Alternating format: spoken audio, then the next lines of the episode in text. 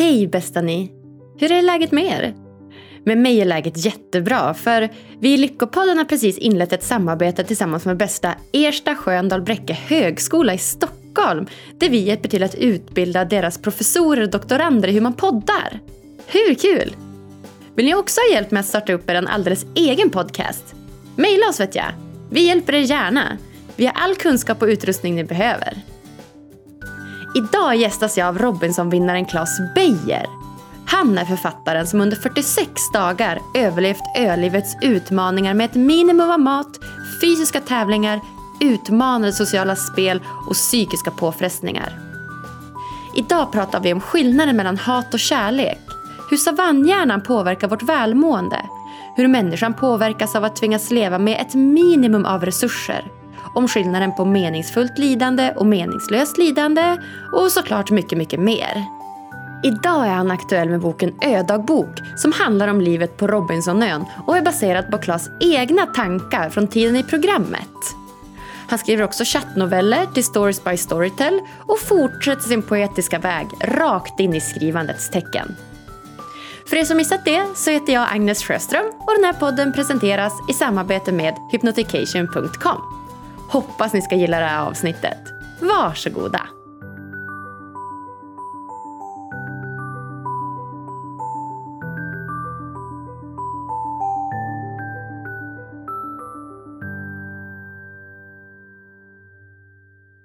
Då säger jag varmt, varmt välkommen till Lyckopodden, Claes Beijer.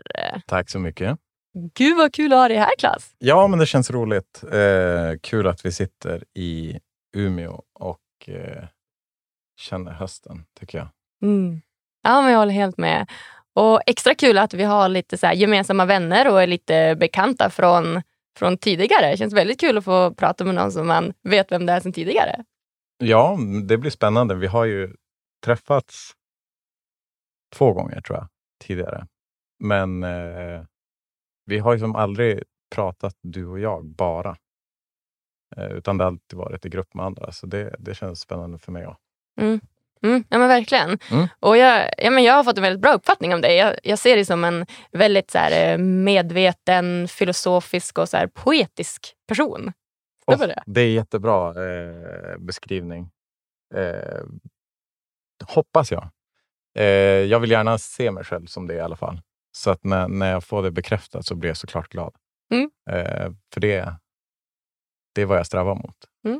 Ja, vad kul. Mm. Ja, men för jag har oftast pratat så här, ja, men jag och mina vänner och säkert lite av dina gemensamma vänner att så här, ja, men, ja, men om vi skulle bjuda in någon till Lyckopodden som vi så här, vet vilken det är i vår så här, umgängeskrets som har något så här, intressant att säga om lycka och välmående. Så bara, vem hade det varit? Så bara, jo men det är nog Claes Beijer. Alltså, det känns som att han har mycket intressant att säga. ja, ja, vad kul. Eh, jag hoppas att jag har en del intressant att säga om det. Ja, Det är Ja. jätteintressant att lyssna på eh, folks tankar kring, kring lycka och lidande och olycka och allt som ingår för att lycka ska finnas, tycker jag. Så att, Mm. alltså, jag lyssnar själv på jättemycket poddar Mm. och det är kul. För Mm. då, alltså, när man lämnas med en tanke, det är det vackraste som finns. ja. Ja verkligen. Mm. Och ändå så sa en av dina vänner här att han tycker att du borde gästa Olyckopodden. Ja, jo, men det är för att jag har... Eh, jag följer ungefär samma kurva som eh, 2020. Alltså det är ju bedrövligt. Jag har eh, haft två operationer på ögat. Jag eh, sitter i mitella nu för att jag har opererat axeln och jag bröt även nacken i februari i år. Så Okej. det har ju varit... Och jag spräckte skallen dagen innan nyår. På, ja, eh, så ja, ja, Olyckopodden, om den finns, bjud in mig för jag har fan olycka. Fysisk olycka, men eh, inte så mycket psykisk olycka. Ja, vad härligt. Mm. Hur, hur tänker du då, då? Du har fysisk olycka men inte psykisk olycka. Känner du dig lyckligt rent psykiskt? Mm, ja, inte varje dag, inte varje sekund. Absolut inte. Många... För mig så... Alltså det är inte ett mål för mig att vara lycklig varje dag. Verkligen inte. Utan det är ju, för mig känns det rimligare att sikta på att inte vara olycklig varje dag. för att jag tror att vi tänker att är man inte lycklig så är man olycklig. Men det, så, så känner jag verkligen inte. Utan många gånger så är man bara som lite mellan allting. Och det kan vara helt okej. Okay.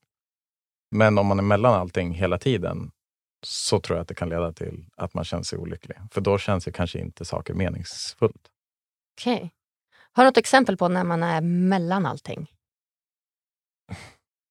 Jag tror, för mig så har det varit gånger då jag har varit kanske i en fas av, till exempel jag skrev en bok förra året och hade då vissa, ja, hade ganska lång tid av ja, men perioder som jag verkligen satt fruktansvärt många timmar och liksom skärmade av både liksom vänner och även familj för att jag behövde vara i min bubbla. Och då såg varenda dag väldigt lika ut. Och det var ganska nice ett tag. Men efter tre månader av det så var det ju inte kul. Jag kände bara, jag håller på att försvinna. Alltså, det, det som jag ser som jag och hela mitt, liksom, det som bekräftar mig är ju mina vänner och min familj och, och bekräftelse behövs ju också för att känna sig lycklig. Och Det var ingen som bekräftade mig. Ibland var det min förläggare som skrev någonting. Ja, ah, det här var nice. Och Det kunde ge jättemycket, men annars så kände jag att jag eh, blev lite olycklig av att ha en sån period för länge. Just det.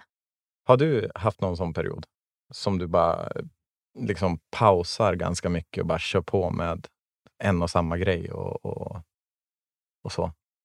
Ja, men nu när du förklarar så där så förstår jag vad du menar. Och det, det har jag verkligen. Jag, jag tycker också man kan uppleva det där nästan dagligen. Om man tänker rent, rent eh, ja, välmående och lyckomässigt. För att jag kan ju uppleva oftast, jag pluggar ju på heltid. Det är mm. det jag gör. Och då upplever jag ju ganska mycket motstånd egentligen i mig själv. Att du vet, Det är ganska tungt att sätta sig och läsa tunga vetenskapliga artiklar. Och även fast det kan vara jätteintressant så känns det oftast lite så halvjobbigt och inte så superkul. Och då kan jag också känna att det är någon så mellan, mellannivå. Av, jag är varken olycklig men inte lycklig heller. Utan jag är verkligen på någon så här mello mellannivå där jag så varken, varken glad eller lycklig. Så att, jag upplever nog också att jag söker nog ganska mycket av de här samtalen och stunderna som ger mig de här lyckorusen. Mm. Bland annat då som typ att podda.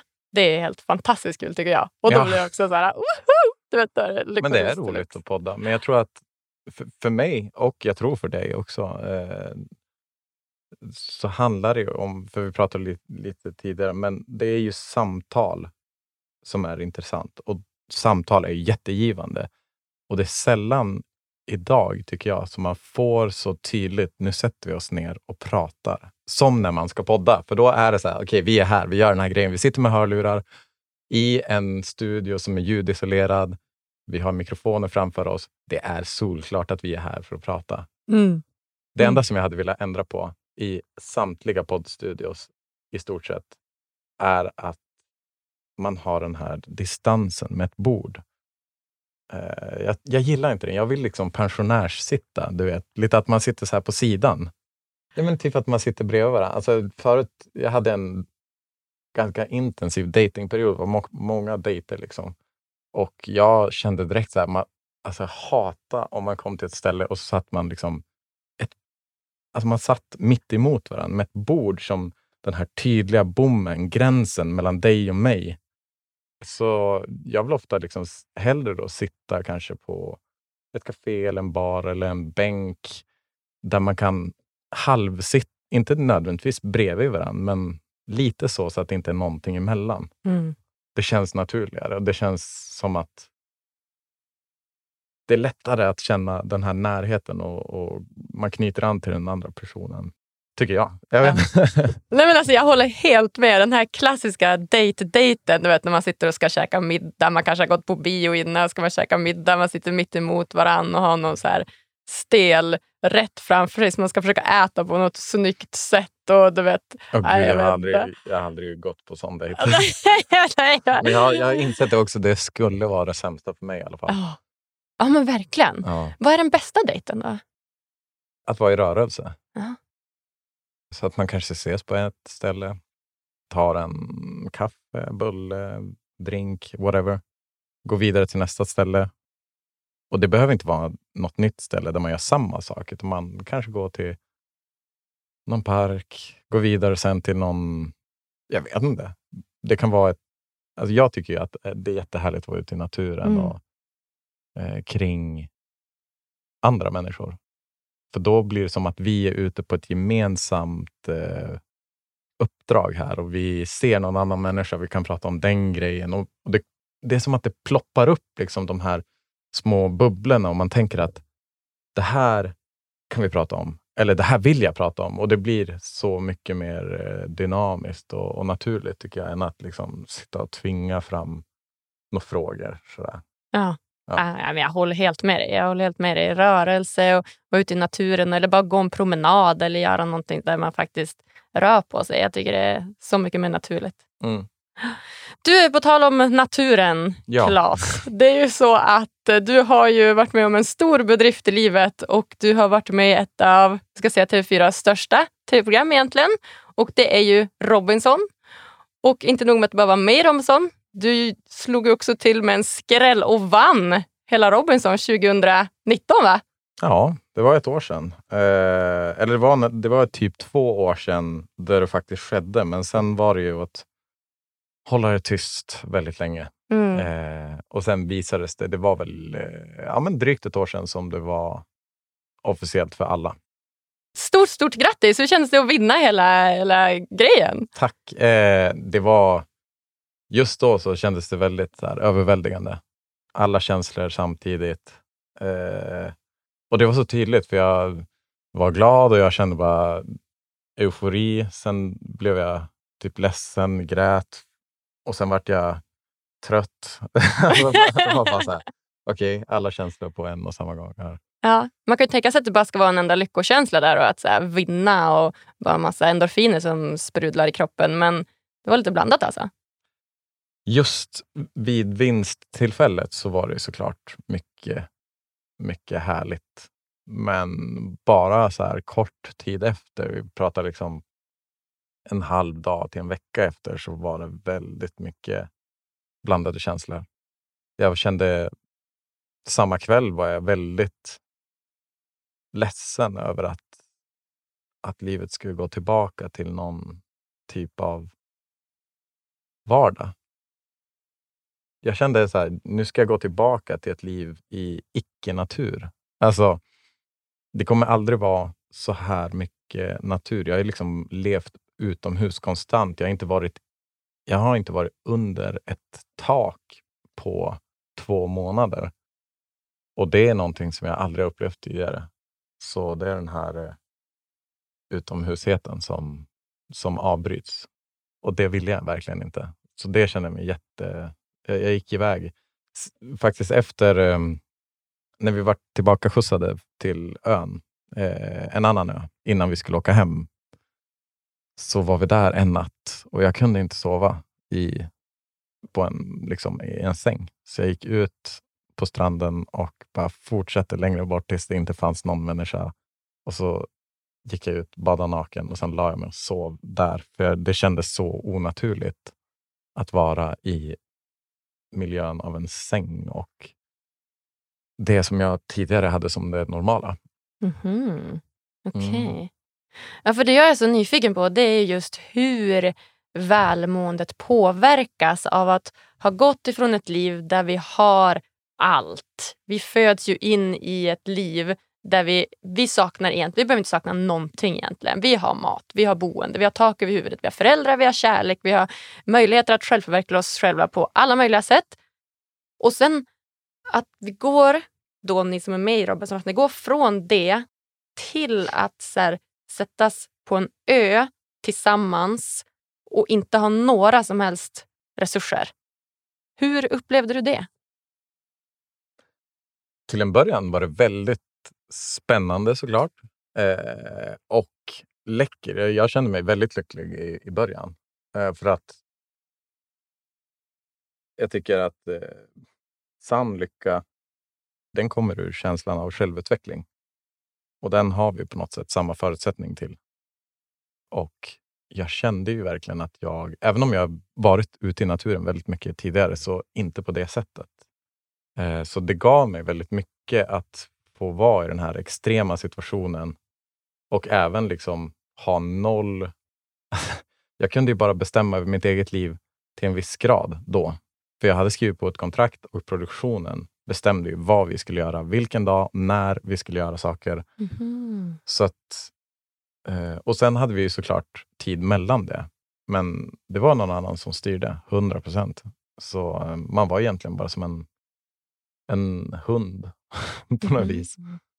Men man lärde sig väldigt mycket och det var självutveckling som fasen. Och det, det, var, det var kul.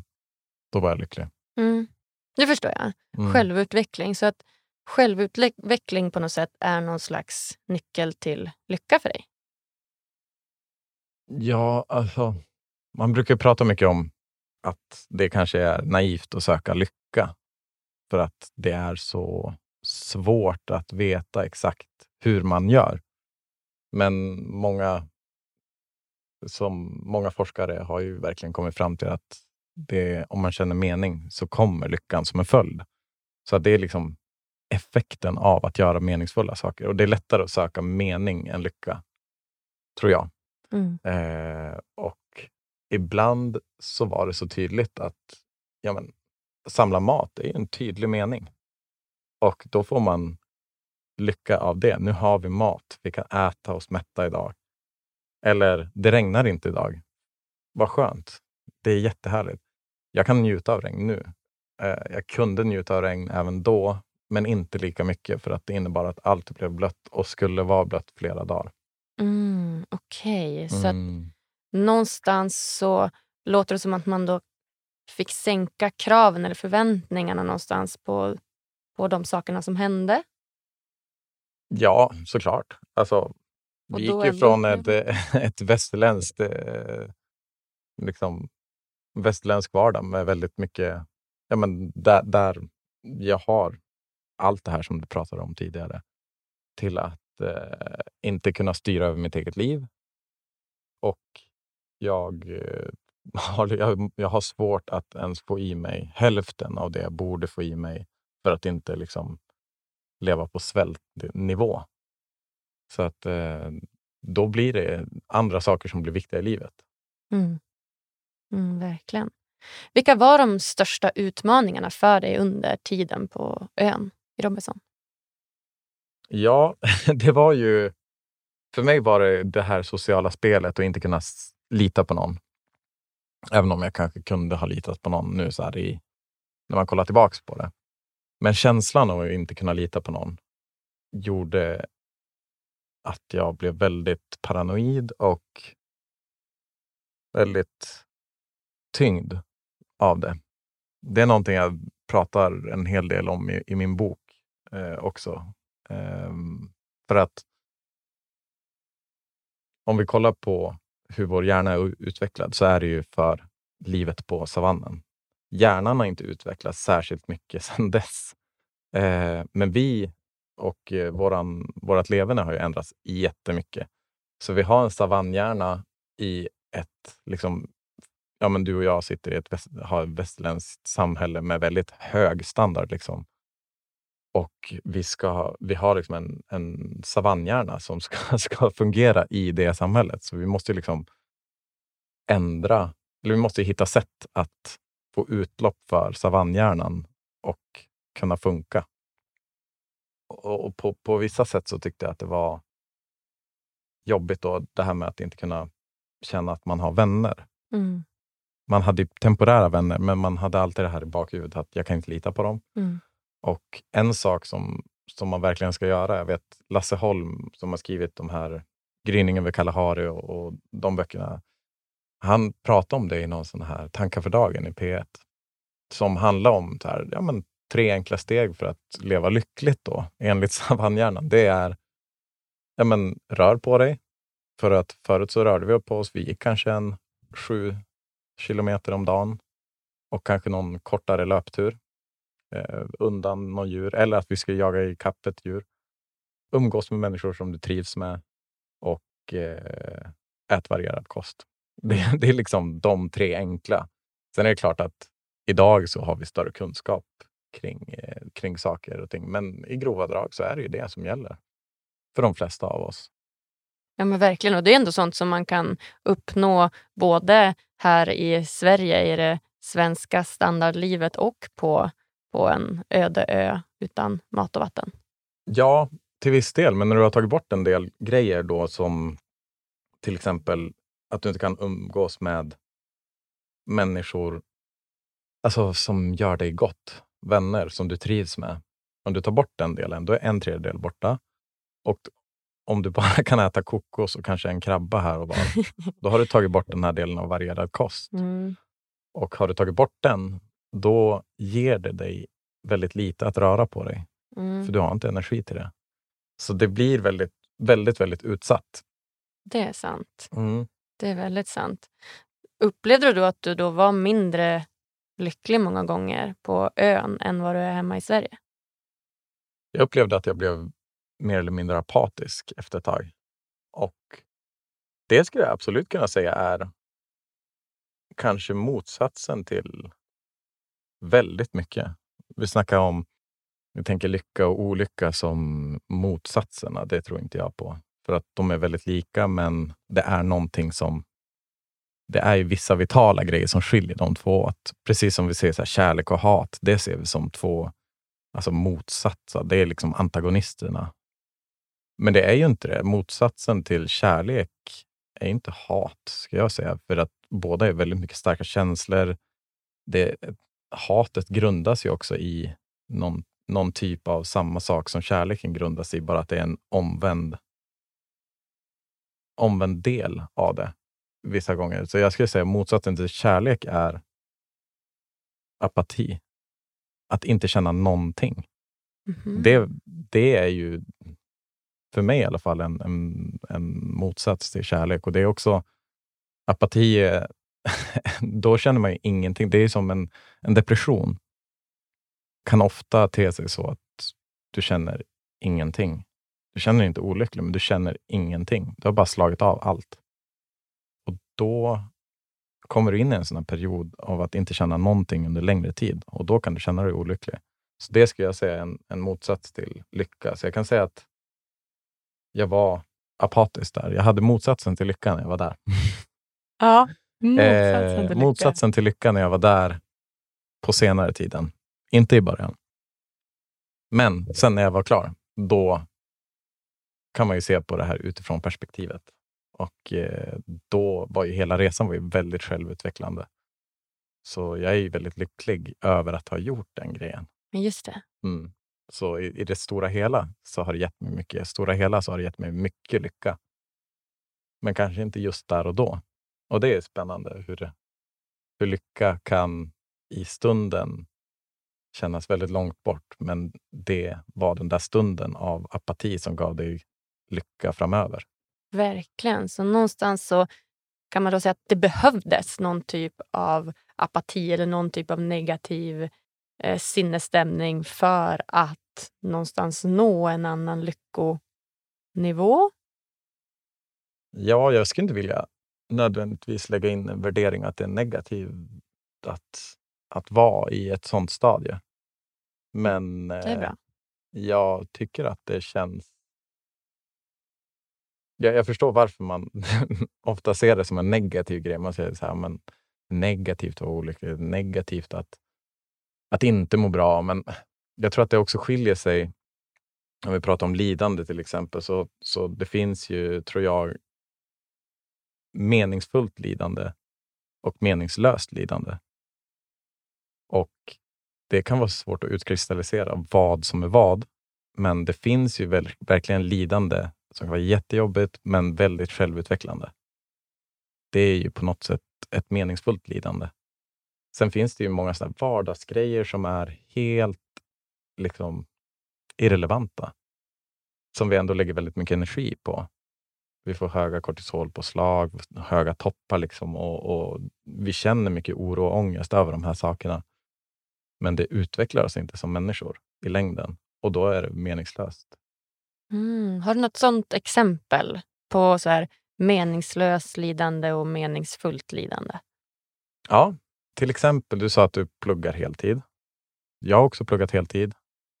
Och jag upplevde i alla fall, min, min syn på det här då var att eh, vissa gånger så gick man runt och kände så jäkla mycket ångest och oro kanske över en tenta eller att man inte hade hunnit någonting. Eller att man kände sig dum för att man inte fattade. Och det, det, liksom, det tog på psyket på något sätt. Eh, men egentligen så var det som så här, ja, men vad, händer, vad händer om du, Agnes, inte klarar en tenta? Då får du skriva om den. Det är inte mer än så. Och vad händer om du inte fattar? Ja, då kan du räcka upp handen och fråga. Och fattar du inte då så kanske du bara måste läsa lite till och sen kommer det komma lite senare. Mm, det är helt sant. Det är inte hela världen. Nej, så det för mig är ett ganska tydligt exempel på meningslös, eh, meningslöst lidande. Nu är lidande kanske lite förlegat uttryck här, men jag tycker att det är ganska tydligt dåligt exempel på lidande i alla fall. Mm. Och meningsfullt lidande kan vara att du kanske är med om en separation som är jättejobbig, men den får dig att inse vissa saker och utvecklas som människa. Och när du kommer ur det så kommer du ur starkare. Det finns ju hur många böcker och berättelser som helst om, om, som liksom berättar om skilsmässor som har varit otroligt självutvecklande för båda parter. Mm.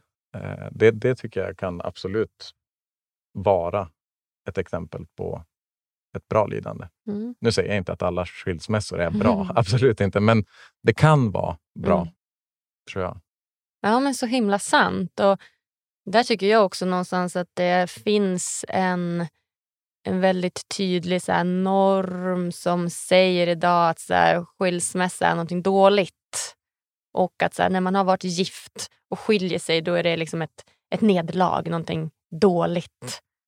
Men där var också, jag lyssnade på någon eh, psykolog, om det var Anna Bennick som gästade den här podden, som istället ville vända på det och sa att men fasen, vad bra att du väljer att skilja dig om du inte är nöjd med det här längre. Och vad härligt att du en gång var det. Och vad fint att ni har haft det fint. Och tiderna förändras och det kanske är dags att, att gå vidare. Och det var också någonting som jag verkligen tog med mig. Att det kan vara någonting bra. Det kommer något bra ur det i vart fall.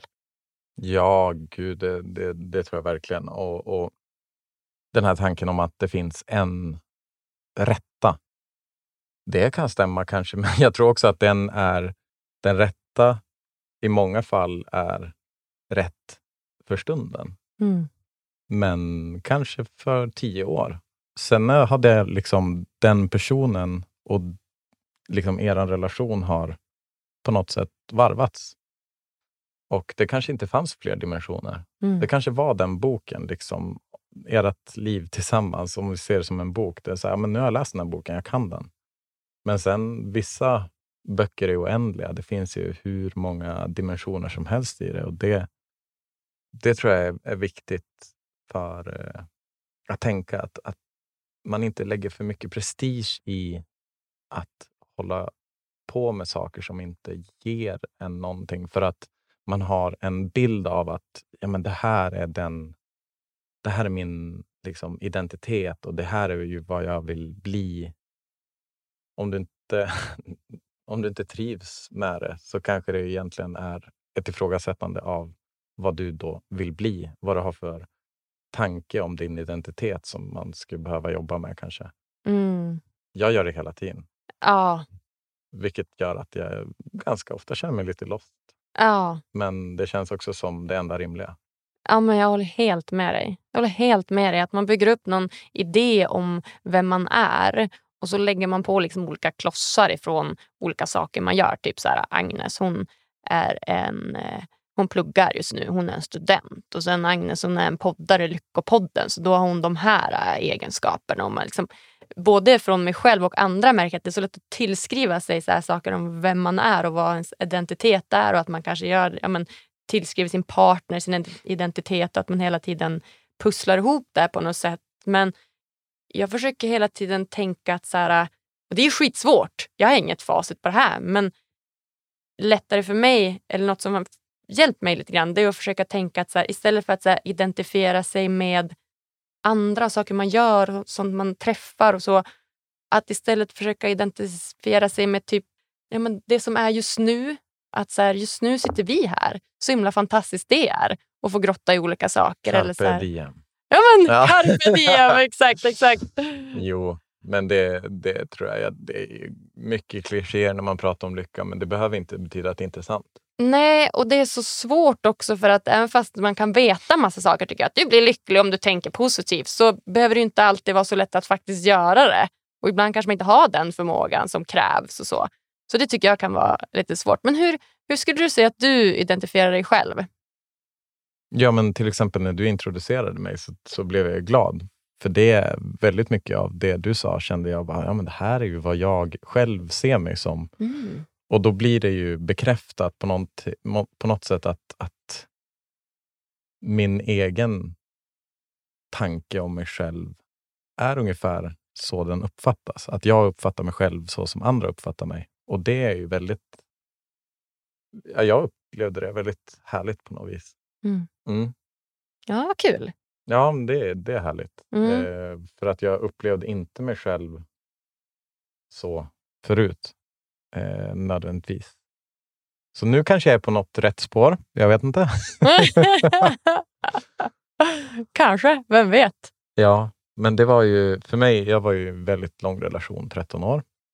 Det var jättejobbigt när det tog slut. Men det var också ett meningsfullt lidande.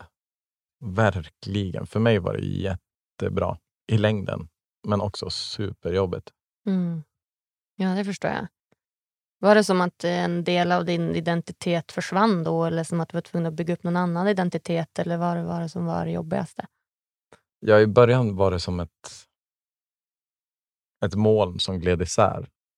Och jag försökte bara förstå omfånget av det här molnet. Vilka delar av min identitet, när, alltså när man är 30 år som jag var då, Mm. eh, 29, förlåt, eh, och har varit tillsammans i 13 år. Det är nästan hela mitt liv. Eller fel, det är halva mitt liv. Men det är stor del av mitt vuxna liv. Och då börjar man fundera på så här, men vilken... Det är svårt att, att veta då direkt så här, vilken del av min identitet äger jag själv?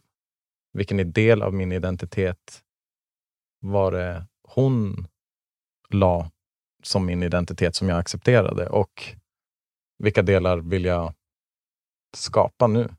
Vilka kan jag skapa nu? Jätte, jättebra faktiskt.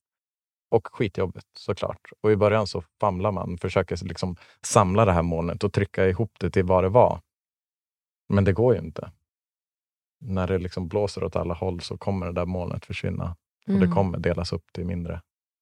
Ja, och så något fint i det att det kanske så man kan få skapa ett nytt mål tillsammans med de gamla bitarna och komma fram till några nya saker.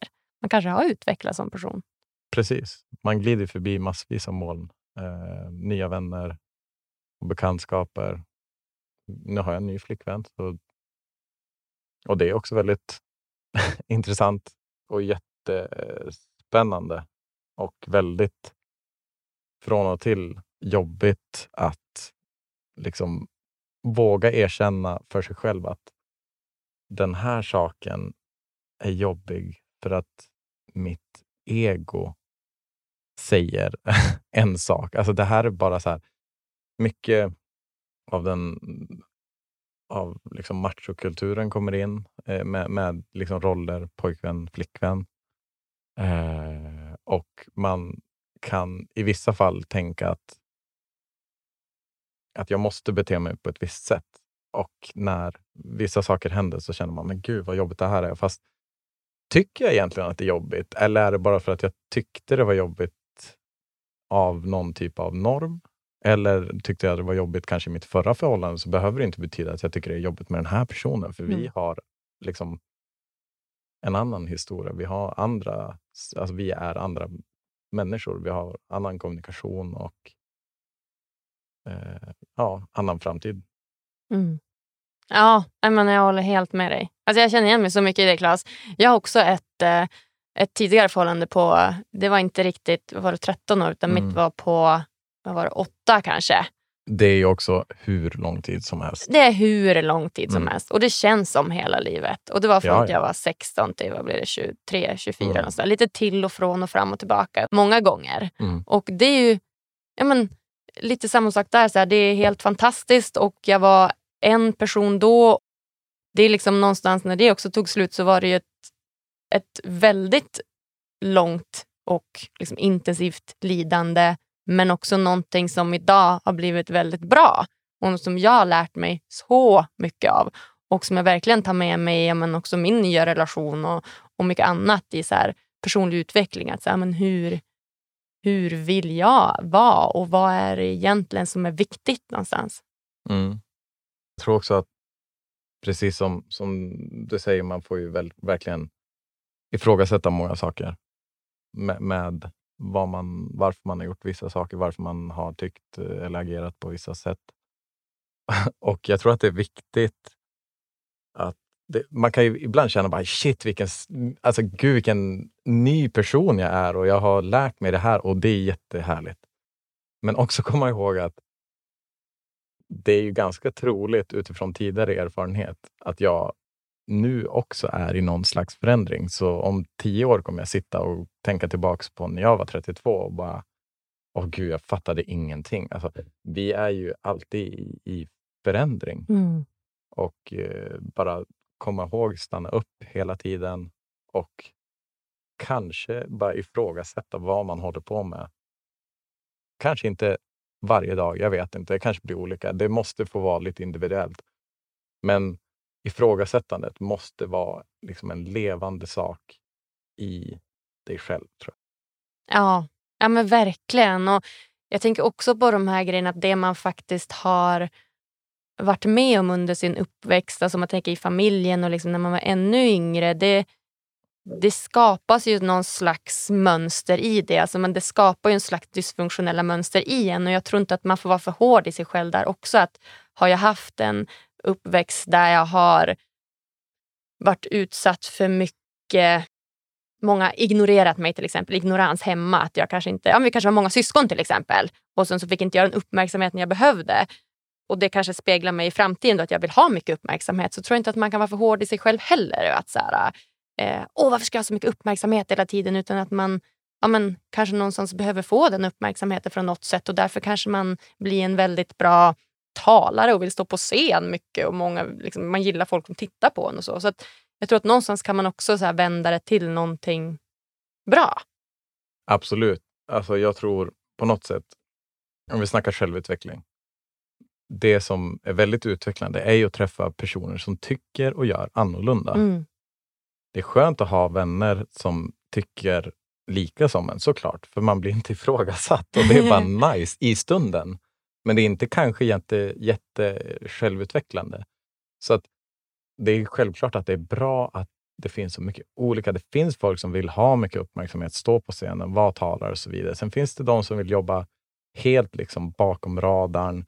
Ingen ska veta vem de är egentligen, förutom liksom den absolut närmsta kretsen. Och, och, och om det inte skulle finnas så mycket olika människor så skulle ju inte de här mötena mellan olika människor såklart heller inte finnas. Och då försvinner ju en stor del av självutvecklingen tror jag. I alla fall Verkligen. den personliga delen som, som inte har med lite såna här yttre saker som vi pratade om tidigare. Till exempel på ön då att ja, men jag lärde mig hur man fångade krabbor på det bästa sättet. Och det var ju också självutveckling, men på ett helt annat plan.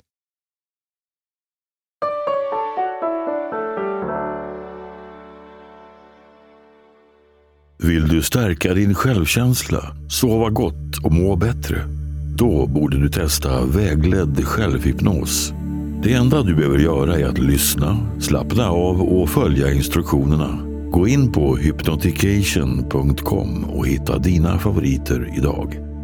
Ange koden LYCKA för 15% rabatt på hela köpet.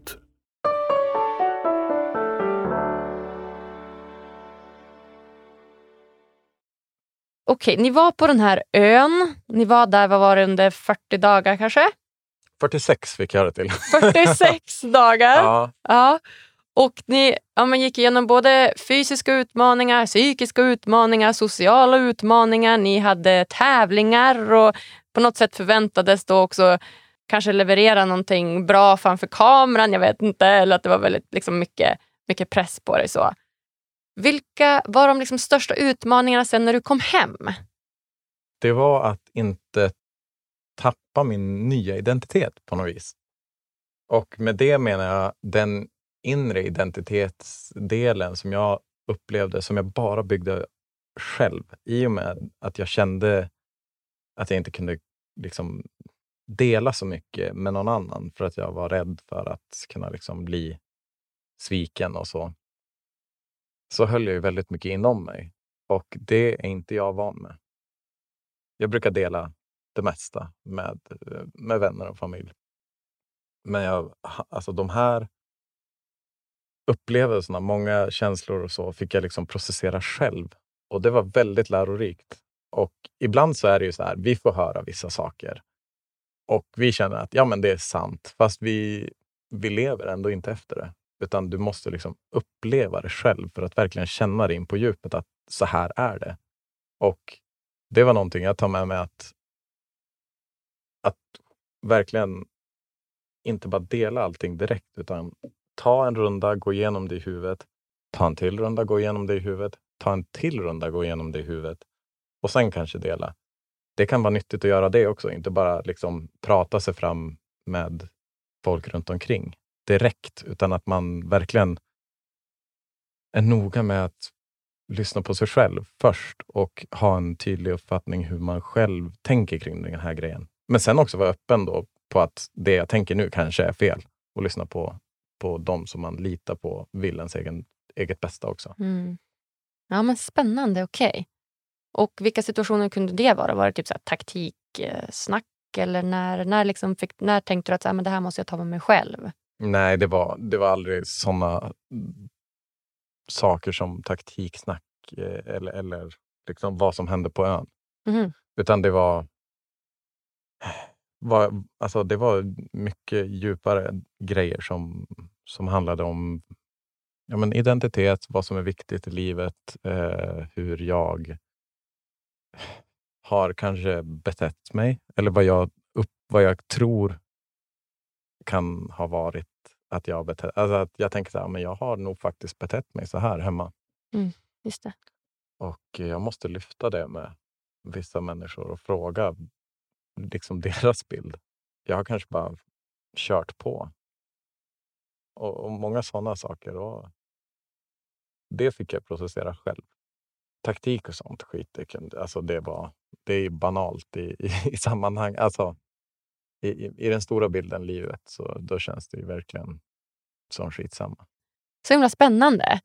Så vad skulle du säga är största skillnaden på Klas innan Robinson och Klas efter Robinson? Mm, jag eh, har blivit ännu mer övertygad i att jag och jag tror många andra mår väldigt bra av naturen på olika sätt. Eh, eh, många känner ett jättestort lugn av att kolla ut över havet. Jag är uppvuxen mitt i skogen, har aldrig haft närhet till hav. Det hade jag där. Jag låg och kollade ut över havet varje natt. Kände att det var underbart. Och det gav mig exakt samma känsla som när jag är uppe typ på ett fjäll och ser sådana här vidder. Eller när jag kollar upp i himlen när den skiftar väldigt mycket. För då, då förstår man storheten av himlen och man förstår hur liten man själv är på jorden. Jag tycker att det är en härlig känsla.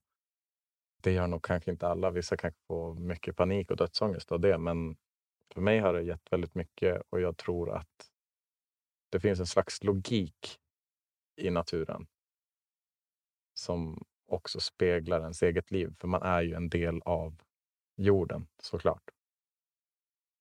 Mm. Vad skulle du säga, vad är lycka för dig? Lycka för mig tror jag är, förutom den faktiska känslan av att ja, shit, jag känner mig lycklig, så är det ganska komplicerat för att det är så mycket... Det, det är svårt med lycka, eh, samtidigt som det är så jävla, jävla lätt. Vilket, är, vilket gör det komplext såklart. Och det finns ju ofta en mening av att problematisera saker lite grann, tycker jag. Men det, det är ju jättehärligt att ha lycka och eh, jag tror för min del så handlar det om att bygga en slags långsiktig lycka, en, en meningsfullhet i det jag gör. Samtidigt som jag ska ha en medvetenhet i nuet och liksom njuta av de små grejerna. Så det är ju klart, alltså, det här är, det här är ju det svåraste som finns. Samtidigt som det är det enklaste som finns. Det är ju så det måste vara. Eller det, det är så jag känner verkligen. Det är, det, och det är väldigt svårdefinierat. Vad är lycka? Men en, en stor del är ju att man känner att man är på väg någonstans. Att man känner att det finns någonting som är väldigt meningsfullt. Jag har hört många känna att det är så extremt meningsfullt att ha barn. Att vara pappa, att vara mamma. Att liksom leda ett liv till någon. Alltså att leda någon och uppfostra någon till att bli en underbar människa. Att, att liksom ge någon verktygen till att själv lära sig.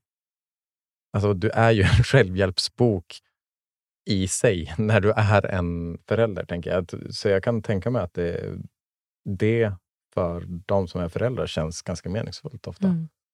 Mm. Verkligen. Alltså, verkligen. Men nu gissar jag, för jag har inga barn. Nej, att, Nej. vem vet? Men det, det är vad jag upplever att många föräldrar känner i alla fall. Ja. Vad de säger till mig. Ja, men jag har inte heller några barn så jag vet inte. Men jag har också hört samma sak. Att just menar, att skaffa barn det ger en, som du säger, någon typ av mening. Vilket är en nyckel, då om man ska kalla det nyckel till lycka. Att man känner att man har en mening med livet. Men också någonting som är ju väldigt, väldigt krävande. Liksom rent energimässigt och att tillgodose en annan persons behov 100 av dygnet. Det kan ju också ta bort ganska mycket av den här äh, lyckokänslan, den här snabba ruset av så här, Oj, vad glad jag är. För när man inte får sova lika mycket och när man inte har andra behov som tillgodoses hos sig själv mm. så blir det lätt att den känslan försvinner. Så att jag tror att det är verkligen så här, äh, lycka på två olika sätt. Ja, man pratar ju ofta om småbarnsåren. Mm. Och det, alltså, när man ser det på nära håll, jag har min syster som har två småbarn nu. Mm. Oh, jag, jag fattar inte hur, hur de gör på något sätt. Men mm. vad ska man göra? Det, det, är inte så att du har någon annan möjlighet. Liksom. Och jag tror just den här meningsfullheten gör att man också orkar. Nej, men jag håller med, jag tror också det. Vill du ha barn? Oj, alldeles för tidigt att säga. Jag är bara 32. jag eh,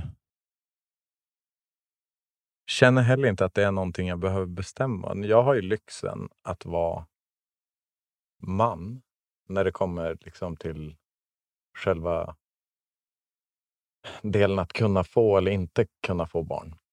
Och jag rent så här, åldersmässigt och fysiskt så kan ju jag, alltså jag skulle kunna teoretiskt kanske kunna bli pappa när jag är 50, mm. 80, jag, jag, vet inte. Det finns ju män som har blivit förälder väldigt, väldigt, väldigt sent i livet. Betydligt äldre än vad liksom, kvinnor har. Så att på något sätt så den lyxen att vara man i, i, det, i den bemärkelsen är ju någonting som jag som gör att jag känner mig lugn i att inte bestämma någonting. Jag tror inte att jag behöver bestämma det heller, utan det får ske organiskt. Och blir det så att jag känner jag den grejen så, så kommer det bli. Och känner jag inte den grejen så kommer det inte bli. Mm.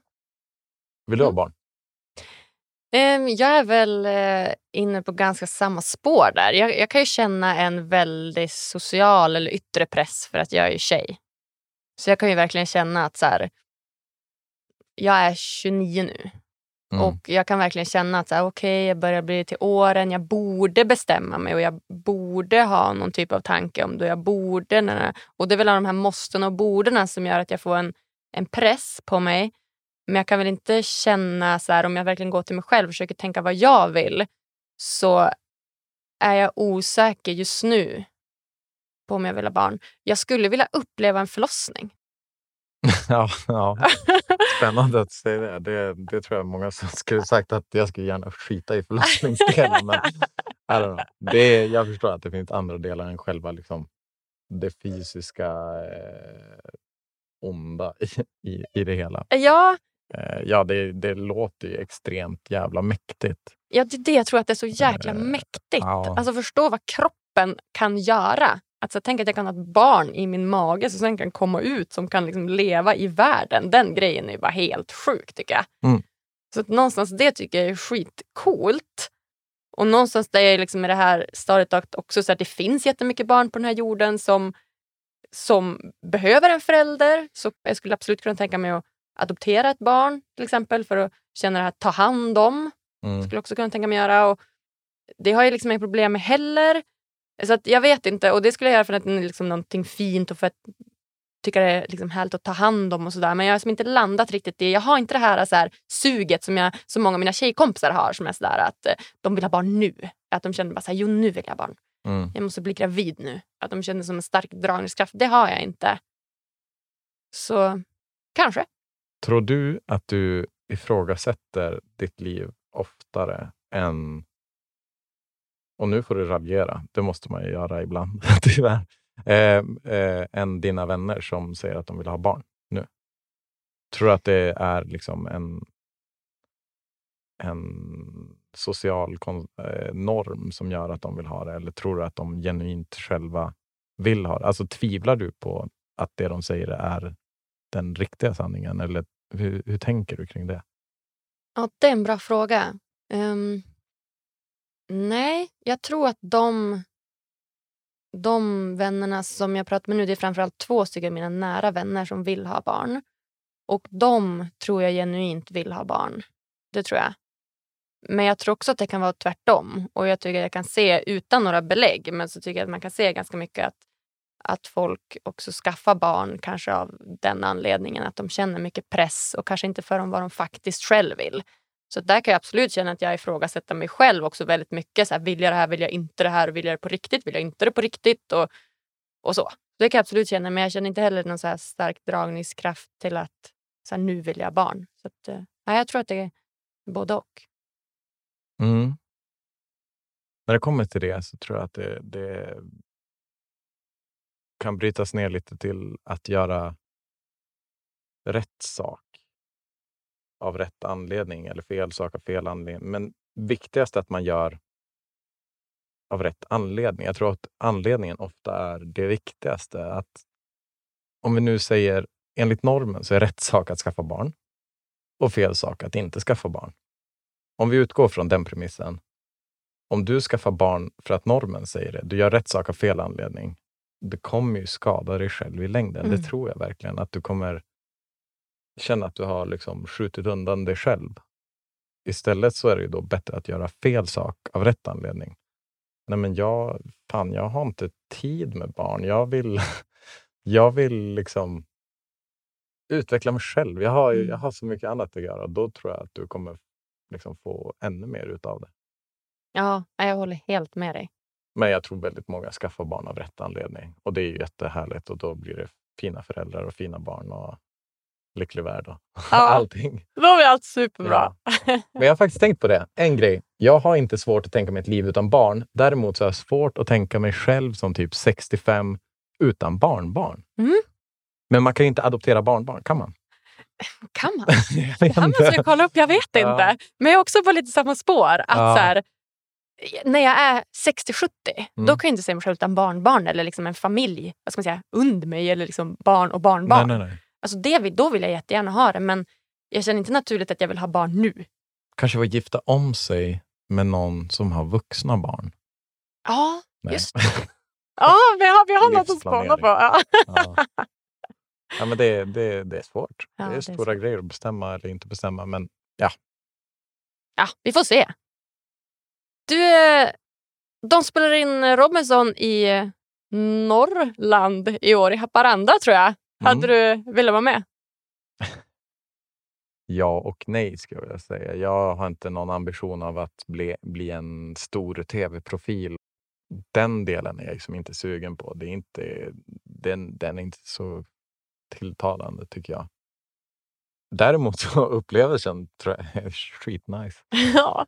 Igen. ja. Och jag tror att det hade varit väldigt intressant att få göra det igen. För jag Mm. är så förberedd. Jag hade ju inte kollat på Robinson. Nej. Så jag visste inte riktigt. Jag hade ju sett liksom, sluta kolla 2002 tish, eller 2000. Någon, någonstans där. Så jag har inte sett det liksom på 20 år. Jag vet inte alls vad det innebär. Så jag, alltså det var ju många saker som... Hade jag, fått, fått, alltså hade jag vetat vad det innebar så hade jag nog inte varit med. Mhm. Men nu vet jag vad det innebär på riktigt. Och då skulle det vara väldigt intressant att vara med för att se liksom hur man skulle klara... Alltså jag skulle ha en helt annan liksom mental eh, styrka tror jag, i det. Och jag tror att det skulle gett mig en helt annan upplevelse än den jag hade. Mm. Ja, men verkligen. Och sen tycker jag bara hela grejen att man är i, i Norrland känns spännande istället för på, på Fiji. ja, men eller hur? Det är ju andra, andra liksom fysiska utmaningar Mm. som du kommer ha. Ja, men det blir det ju. Och jag tänker om det är massa snö och så kanske du hade kunnat ta med dig snowboarden. Så kanske du hade kunnat vinna alla snowboardtävlingar. Ja, men precis. Men det finns nog inte så mycket snö i Haparanda i augusti tyvärr. ja, det är sant. Ja, Typiskt. du, eh, jag tänkte vi ska gå in på de sista frågorna här innan vi lämnar varandra idag. Mm. Och den första är ju då, vad gör dig riktigt lycklig? bra fråga. Hur lång tid har jag på mig? Hur du men, vill. eh, jag har hela, tid, hela mitt liv eh, tacklats väldigt mycket med dödsångest. Så att varje dag jag vaknar upp och inser att jag inte är död är en slags lycka för mig faktiskt. Och det har ju hänt varenda dag i mitt liv hittills, att jag vaknar upp och lever. Ja. det är ganska nice start på dagen på något vis faktiskt. Eh, Det kanske är mer tacksamhet än lycka, men det är- en, det är en, en modifierad lycka i alla fall på Mm. något vis. Och just en medvetenhet om döden är ju också ett medvetenhet om livet. Det blir automatiskt så att jag upplever att jag är väldigt lycklig över så mycket som är bra i mitt liv varje dag. Det gör jag verkligen. Jag är så sjukt tacksam över ja, men, allt möjligt. Bara få födas här med så jäkla sjuka förutsättningar kontra liksom största delen av jordens befolkning i övrigt. Det, alltså, hur kan jag vara... Och sen bara att jag blev ett barn. Ja. Att jag bl- blev till när man liksom har förstått lite av den här biolog, biologin. Att det är fan inte många som blir... Alltså det är inte många som blir barn. Nej, De flesta blir inte det. nej, exakt. Det är faktiskt Mm. helt sjukt att vi ens Ja. lever. Det är det. Så Ja. det är absolut en del av lycka för mig. Men också så här att må bra fysiskt. Alltså jag sa ju tidigare att jag har varit extremt skadad under 2020 men ändå tidigare körde jag snowboard på heltid. Man hade ju alltid någonting som inte var bra i kroppen och sen när jag liksom inte åkte på den nivån längre så kunde man ju... Alltså jag var inte skadad på det sättet då. Och så var det så härligt att känna bara shit, jag är, jag känner mig stark. Och jag klarar av, liksom, man, man kände lite den här savannmänniskan. Jag är redo för, liksom, eh, för att gå här och fälla den här buffen. Så här. Men, eh, så, så det är också en lycka, att känna sig liksom, eh, stark som, som person. Att, att allt funkar så som det ska. Inga sjukdomar. Och sen har jag varit extremt lyckligt lottad med att eh, det är väldigt få runt om mig som har blivit sjuka och dött hittills. Mm. Det har varit några stycken och det tar ju på. Men vissa, jag tänker de som upplever krig, flykt. Det är... Jag tror att i vissa fall så kan det absolut sätta en sån, sånt lidande ett sånt lidande moln över resten av livet. Att det tar tiden för att liksom komma över det här totala lidandet, kanske 250 år. Och det hinner man ju inte på ett liv. Så att eh, man säger tiden läker alla sår, men den tiden som det krävs för att läka vissa sår tror jag är längre än tiden vi har här på jorden. Så att det behöver inte vara fel i, i, i sig, det, det uttrycket, men eh, rent praktiskt blir det ju det. vissa som har gått... Jag lyssnade på eh, Navids Mm. eh, deltagande i din podd eh, innan, när jag var på väg hit faktiskt. För jag tänkte jag vill ändå lyssna på en podd eller ett avsnitt innan jag kommer hit. Mest för att jag får liksom lite vibben av vad, vad det är. Men jag vill inte lyssna för mycket för då har ju kanske dina gäster redan ställt alla frågor som jag kanske vill ställa till dig. Eller jag vill liksom inte vara liksom för skadad av det. Men han, han tyckte jag sa väldigt mycket kloka saker och, och väldigt mycket som han berättade kring tuff liksom, uppväxt och mycket hårda och jobbiga saker som han har upplevt. Att det hade stärkt honom. Och det är ju så extremt starkt och fint att, att kunna liksom omvandla, att göra det lidandet till någonting meningsfullt och inte bara känna att allt var förgäves. Ja men verkligen. Jättebra avsnitt tycker jag också. Jag blev jätteinspirerad. Så att, Mm.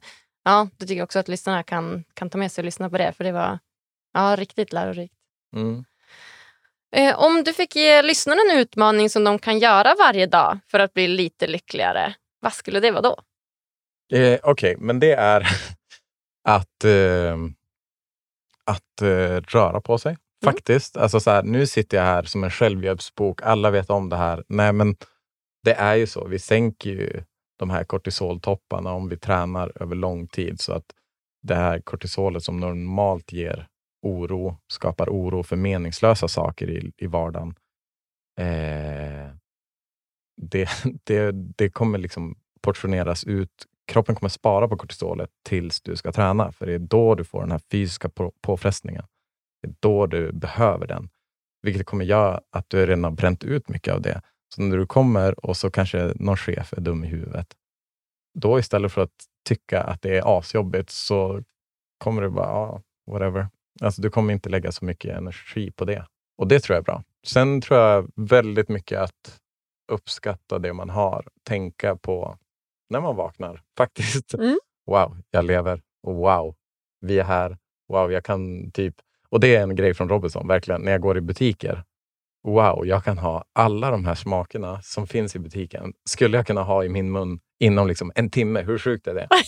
och det är så varor från hela jorden. och Säga vad man, vad man vill kring det miljömässigt med att vi tar in varor från andra kontinenter och liksom skeppar runt det. Men det faktumet att liksom jag kan ha så många smaker inom så kort tid i min mun är fan wow. Det är häftigt. Wow. Ja, men det är ju det. Ja, ja jag förstår det. När man har varit där och inte kunnat äta exakt när man vill så måste det ju vara skitcoolt att bara kunna trycka en hel godisbutik på en timme. Mm, verkligen. Och försöka... Säga, man brukar säga att man ska liksom embracea barnet i sig själv. Men det handlar ju om bara embracea... Alltså vad är det som är barn i sig själv? Det är ju en slags äkthet. Att Mm. våga vara ofärgad av normer, ofärgad av vad som borde vara nice eller inte. Vi tycker olika saker är bra. Så om du tycker att himlen är helt fantastisk, sitt och glo på den en timme.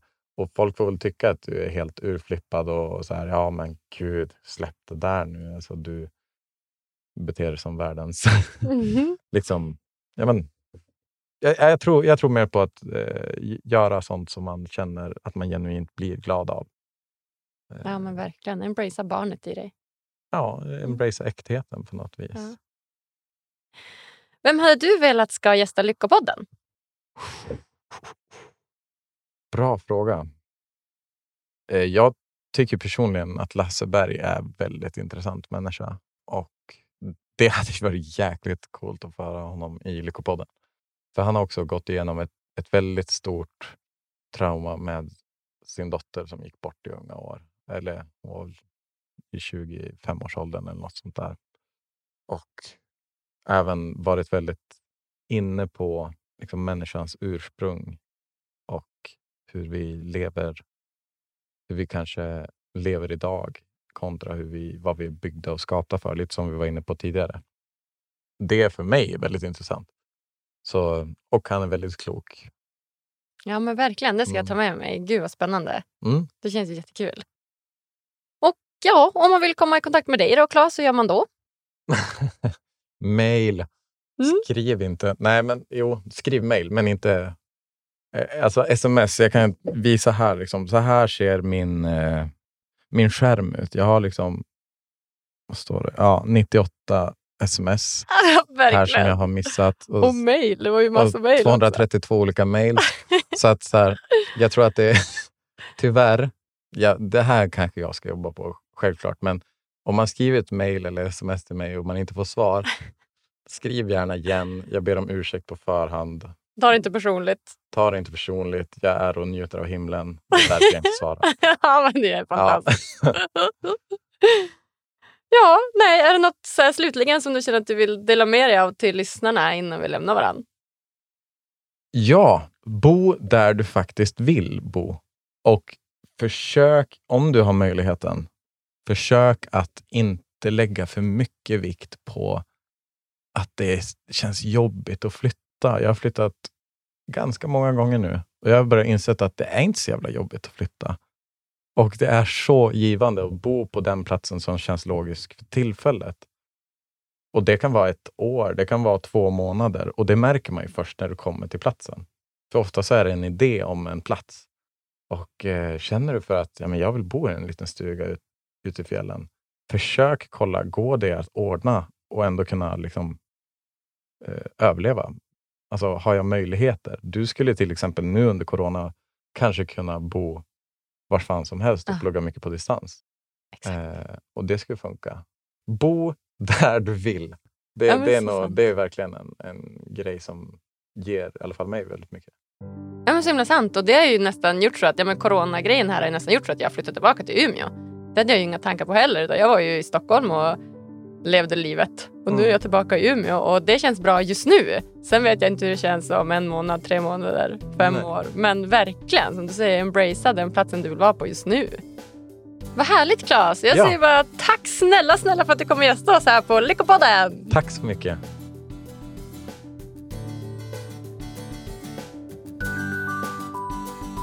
Så himla spännande hörni. Hade ni någonsin kunnat prova att leva på en öde ö utan mat och vatten i ett fysiskt ansträngande sammanhang och ett socialt spel som bidrar till att inte kunna lita på någon? Snacka om utmaning. Jag kan tappa det totalt bara av att inte äta på några timmar. Tänk då att också behöva tävla rent fysiskt och sköta sig rent socialt. Ja, väldigt utmanande. Tycker ni det här var lika bra som jag? Prenumerera gärna på podden, följ oss på sociala medier och ge oss fem stjärnor på iTunes. Tack för att just du lyssnar. Vi hörs på tisdag igen. Puss och kram!